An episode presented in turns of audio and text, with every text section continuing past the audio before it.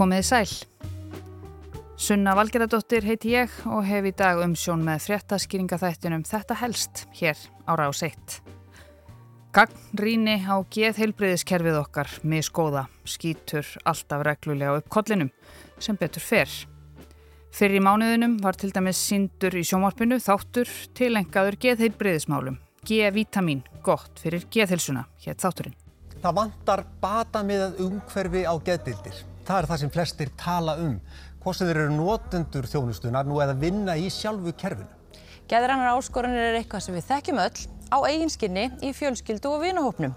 En af hverju skildu við tala um þetta í hálfum hljóðum eða sem feimnismál þetta skiptur okkur svona miklu máli? Það má alveg taka undir þessa spurningu Viktoríu Hermannsdóttur sem sá um þáttin á samt Þorstin í óð. Af hverju verða hausarnir á okkur alltaf útundan?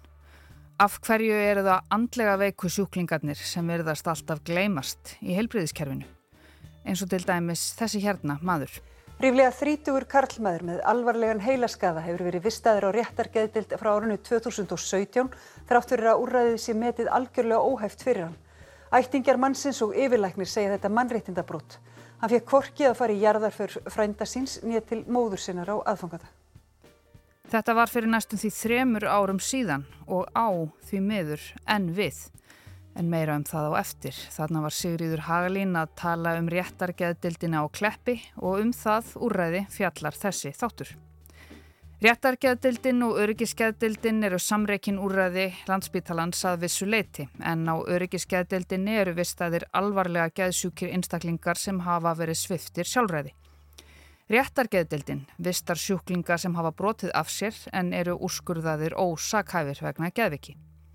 Og maðurinn í fréttinni hér áðan er á henni, réttargeðdildinni. Hann var þar 2021 og hann er þar enn 2024. En nú stendur reyndar mikið til það á að opna nýja réttargeðdild bráðum. Eða svo er sagt og það eru gleði tíðindi, það er langt síðan síðast og það er sannarlega enn lengra síðan réttargeðdeldin var stopnuð á Sogni, það var 1991. Lítum aðeins þangað.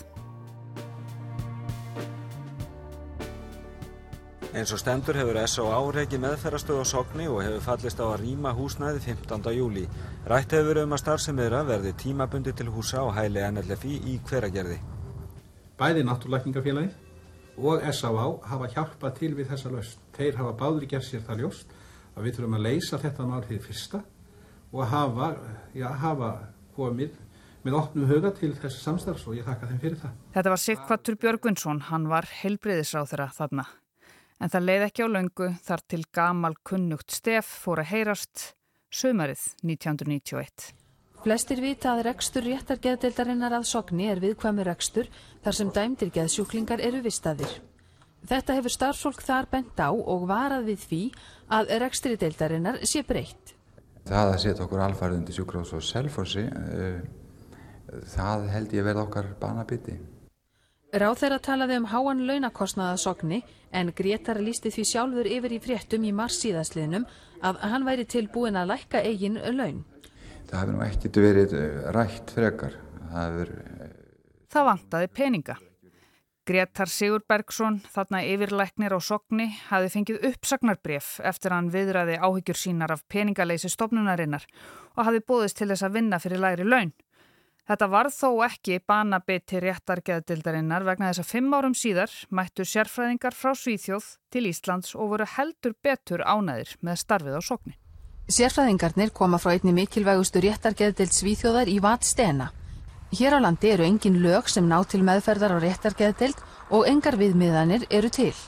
Þannig má segja að réttargeðdeildin á Sogni sé í stöðugur í tilvistarkreppu.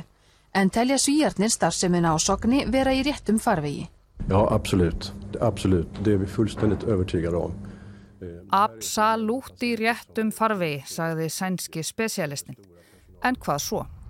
Nú er verið að tala um að litla hraun fái betri geðlæknistjónustu fyrir sína fanga heldur neyri í dag og tengjast betur sjúkrahósi Suðurlands en Littla Hraun hefur fengið heilbríðstjónustu frá laugarási og það er það sem gerir útslægið að sjúkrahósi Suðurlands verður fyrir valinu sem rekstrar aðil á sogni, það er það að við erum að bæta þjónustuna í framtíðina á Littla Hraunni.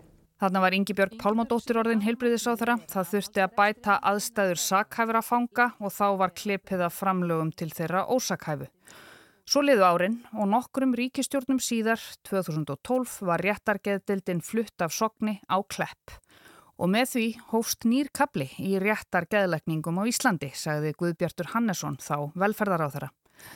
Starfseminn var með þessu komin á eina hæð í miklu starra húsnæði á betri stað og mögulegt að skipta niður eftir kynjum. Guðbjartur sagði þarna 2012 að opnun Sogns hefði á sínum tíma markað jákvæð tímamót í sögu íslenskar geðheilbreyðistjónustu en það var fyrir 20 árum og heyrði fortíðinni til. Nú göngum við til móts við nýja og breyta tíma með það að leiðarljósi að vinna að bættri þjónustu og aðbúnaði þeirra sjúklinga sem hér eiga í hlutt. Það er skildar stjórnvalda og heilbreyðisífurvalda að hafa ávalt réttindi, hagsmunni og velferð sjúklinga að leiðarljósi. Hárétt hjá Guðbjarti. En síðan hann sæði þetta eru liðin 14 ár og munið eftir manninum í byrjun þáttarins sem var fjallaðum 2021. Það er náttúrulega líka bara skömmustilegt að einstaklingur sem með heilaskaða sé hafðurinn á réttargeðdild að hann er aldrei, hann er ekki að fara að lagast. Hann er, hann er þar enn. Sigurður Pál Pálsson, yfirlæknir, réttar öryggistildar landsbytalans er í viðtali við Gunnhildu Örnu Gunnarsdóttur í nýjasta tölublaði læknablaðsins. Þar segir að stemt sé að nýri deild á kleppi fyrir ósakhæfa fanga með alvarleg geðræn veikindi.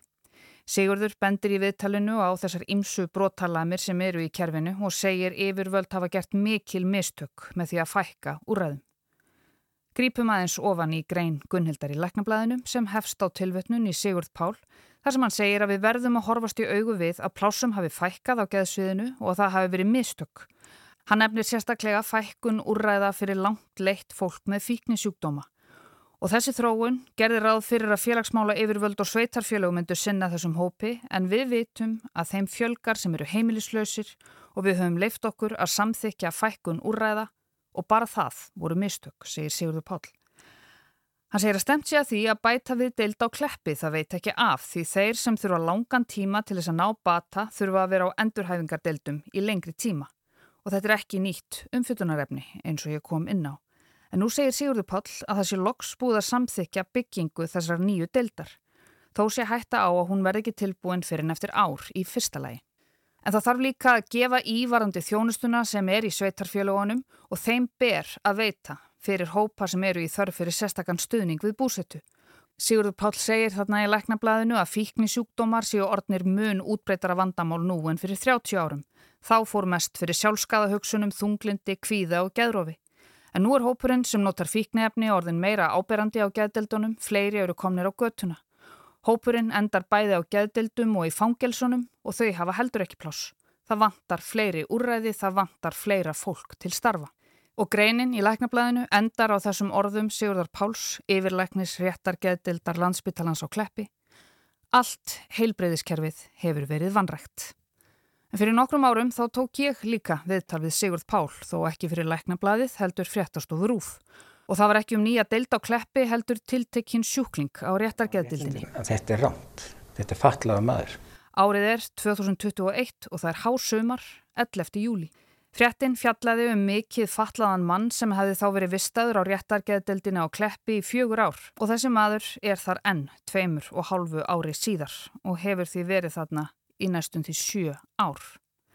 Þannig að 2021 þá rætti ég við ættingja mannsins þau Ingi Björgu Gróðu Gunnarsdóttur, stjúpsistur hans og frænda hans Kjartan Árna Kolbensson. Revjum þetta málaðins upp. Mikið fatlaður maður hefur verið vistaður á réttargeðdildin á Kleppi í fjögur ár án allrar nöðsynlegar þjónustu. Hann var síknaður af líkamsáros 2018 og metinn ósakhæfur. Ættingjar og yfirlæknir segja brotið sér gegn mannréttindum hans. Maðurinn er fættur 1989 og 6 ára gamall, fekk hann alvarlega heilabólgu og flogaveiki og fór svo 18 ára í stóra heilaskurðaðgerð í Boston. Haustið 2017 var maðurinn dæmdur fyrir sérstaklega hættulega líkamsárás sem gæti varðað 16 ára fangelsi hjá sakhæfum manni. Hann skar mann í andlitið og þótti hendingað ekki fór verð. Maðurinn bjóð þá einn án allrar gæslu og þjónustu. Matgeðlegnis er að maðurinn er verulega vanþroskaður andlega sem stafar meðal annars af mikilli greindarskerðingu, endurteknum flógum og mikilli livjameðferð. Auk þess hafi hluti framheilans sem stjórnar domgrind og hegðun verið fjarlæður í skurðagerðinni í Boston. Í domnum segir að maðurinn gerir sér ekki grein fyrir ástandi sínu nýja verknæðinum. Gæsluvarðhald yrði honum verulega íþingjandi. Hann er metinn alls ófærum að stjórnagerðum sínum og nöðsynlegt er að tryggja að hann gangi ekki laus. Lögregla taldi hann hættulegan umhverfi sínu. Manninum var gert að sæta vistun á viðigandi stopnun til 28. september 2017 sem varður réttargeðdildin á Kleppi og þar er hann enn fjórum árum síðar. Úrskurðurinn hefur verið framlengdur sjö sinnum á þessu tímabili. Hann hafði aldrei átt að vera í þeim aðstæðum sem uppkomu til þess að nenda inn á réttargeðdild. Fyrir utan það að hann á ekkert erindin á réttargeðdild. Svo þjónista sem að hann þarf að fá er ekki búin að réttargeðdild þá sjúkraþjálfun, yðiðþjálfun, mögulega kannski þroskaþjálfun. Ég kom að heimsækja hann og hann var orðin svona hægt að skjóta 40 kílóum léttari og bara ekki líku sjálfum sér að sjá þannig. Yfirleiknir á deildinni segir lítil spata að vænta og að vista mannin á réttargeðdild sé mannréttindabrótt. Hann mælir með úrræðum á vegum Reykjavíkur borgar sem séu fyrir hendi með sólarhingsvöktun og geslu. Hann er sviftur öllu sem réttindum þegar að búa að gefa út að hann eigi ekki að vera þarna. Það er ekkert sem ætti að stoppa hann í að fara í heimsók, fara í jarðafærir út á landi eða fleiri hluti. En þetta er náttúrulega bara í mannréttindabrót, ofan í mannréttindabrót. Hann er sérstaklega gaman að afa mínum. Þeir voru miklu mátar að hann var oft hjá honum í sveitinni og hann gæti ekki komið í jarðaförna hans. En svo aðfangadag, hann fær ekkert að koma til fóreldra, að það er ekki mannafl fyrir það og þótt að móður hans treysti sér til að fá hann án fyldar þá er það ekki til bóðið, þetta er bara reglur. Ég skil bara ekki alveg hvernig staðan er orðin svona í dag. Þetta er alveg eiginlega ótrúlega.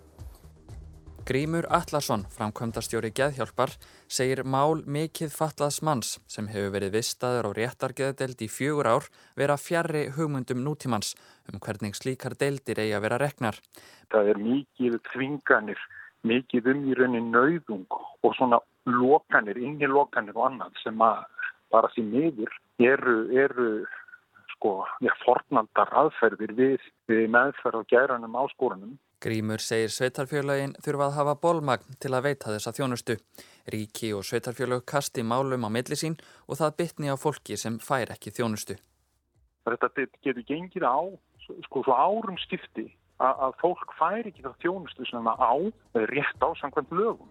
Þetta er rauninni margindabrót, þetta er lögbrot. Yfirleiknir réttargeðdeldarinnar tekur undir þetta. Hann segir laungu orði ljóst hvers konar úrræði maðurinn þurfi falli íbúð, mönnun sem sinnir hans hörfum og hans öryggi, alúð og aðhald og bara hjálp. Það er það sem hann þarf. Og það eru svoleiðis úrræði? Já, já. Það þarf bara að finna þau og kosta þau. Þetta er ekki flókið. En þau hljóma svo litið dýr svona úrræði? Jú, en það er líka dýrt að hafa fólk hérna á réttageteld. Það serjus að tíu sinu dýra. Fyrir utan manngjaskuna og bara mannréttindin. Þetta er rámt þetta er fatlaða maður. Það verðast allir vera sammála um að það sé verið að brjóta á réttindum hans með því að hafa hann. Já, við vorum úr að að fannst að máli byrjaði og það var ekki rámt að við tækjum það okkur í byrjun en nú erum við búin að vera tveim óru lengur með málinn til stóð. En það er allir sammálu um hann er á raungum stað á raungum tíma.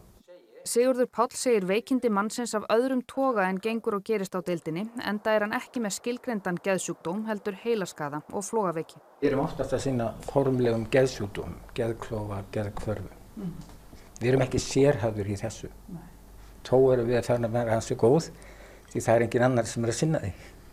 Svo merkilegt sem það er. Þannig að hér erum við ekki að tala um neina bófa eða neina svona síbilju afbröðsumenn síðan og svo Við erum að tala um einstök tilvík sem er alvarleg sem hafa leitt viðkomandi inn í þennan tröppugang. Velferðarsvið Reykjavíkur borgar hefur vísað málinu frá sér og þaðan fást þau skilabóð að sveitarfélagið sinni ekki svona tilvikum. Reykjavíkur borg neytar sinna örgisvistun, pakkin er hjá ráþra félagsmála.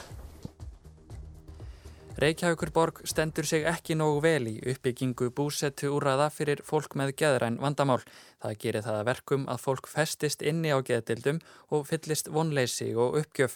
Þetta segir yfirleiknir réttar geðdildarinnar á kleppi. Það hefur verið bestandi vandamál síðustu fjögur ár. Velferðarsvið Reykjavíkurborgar sendi frá sér yfirlýsingu í dag þar sem þessu er vísað alfarið á bug. Þar er áréttað að öryggisvistun heyri nú undir ríkið en borgin rak öryggisvistun í tæp þrjú ár frá mæ 2018 fram í byrjun mars 2021. Þá segir í yfirlýsingunni sem er nokkuð harðorð að margir þeirra geðfölluðu einstaklingar sem búa í húsnæði fyrir fatlað fólk í Reykjavík hafa haft lögheimili í öðrum sveitarfélögum við komuna á geðdild og hafa með aðstóð landsbítalans breytt um lögheimili í vonum að fá viðigandi húsnæði og þjónustu sem fyrst. Já, svona var ástandið sumarið 2021 og svona er ástandið enn. Það eru enn sjúklingar fastirinn á geðdeldum spítalans því það er engin staður fyrir þá annar staðar. Sveitarfélug og ríki eru enn að kasta boltanum á millisín. Reykjavíkurborg sagði sig frá þessu tiltekna máli mannsins og er það einhver staðar statt djúft í innviðum félagsmálaráðuneytisins. Innviðir þá verandi skúfur líklega. En nú í lók síðasta mánadar byrtist lítið myndband á vef landsbítalans með fyrirsögninni Þjónusta, öryggis og réttargeðdelda bætt út frá ábendingum í úttektum. Pressa tónlistin sem þið heyrið undir er verk kynningardeldar Spítalans og það sé sagt. Við erum stödd hérna í samkómsalunum á Kleppi, uh, tvær deildar, réttargeðdeld og öryggisgeðdeld og erum, það er verið að leita leiða, allra leiða til að bæta starfseminna. Deildirnar báðar hafa leið undir ákveðni gaggrinni og það var heilmikil fjölmjölumræða fyrir ári síðan eða rúmlega það Það komu ábendingar frá ýmsum aðlum um að mætti betur fara og... Fólk má ekki býða hér eftir búsetúraðum. Okkur langar helst þess að stækka báðadeldarnar og búa til framhaldsúrræði. Og nú virðist sem þessi ósk Eirúnar Torstensen, dildarstjóra réttargeðdildar, rætist kannski það á að gera nýja réttargeðdild. Svo framkvæmt verðist samt vera mjög mikið undir radarnum ennþá því ég finn hvergi gögnum hana, fundargerðir eða neitt slikt.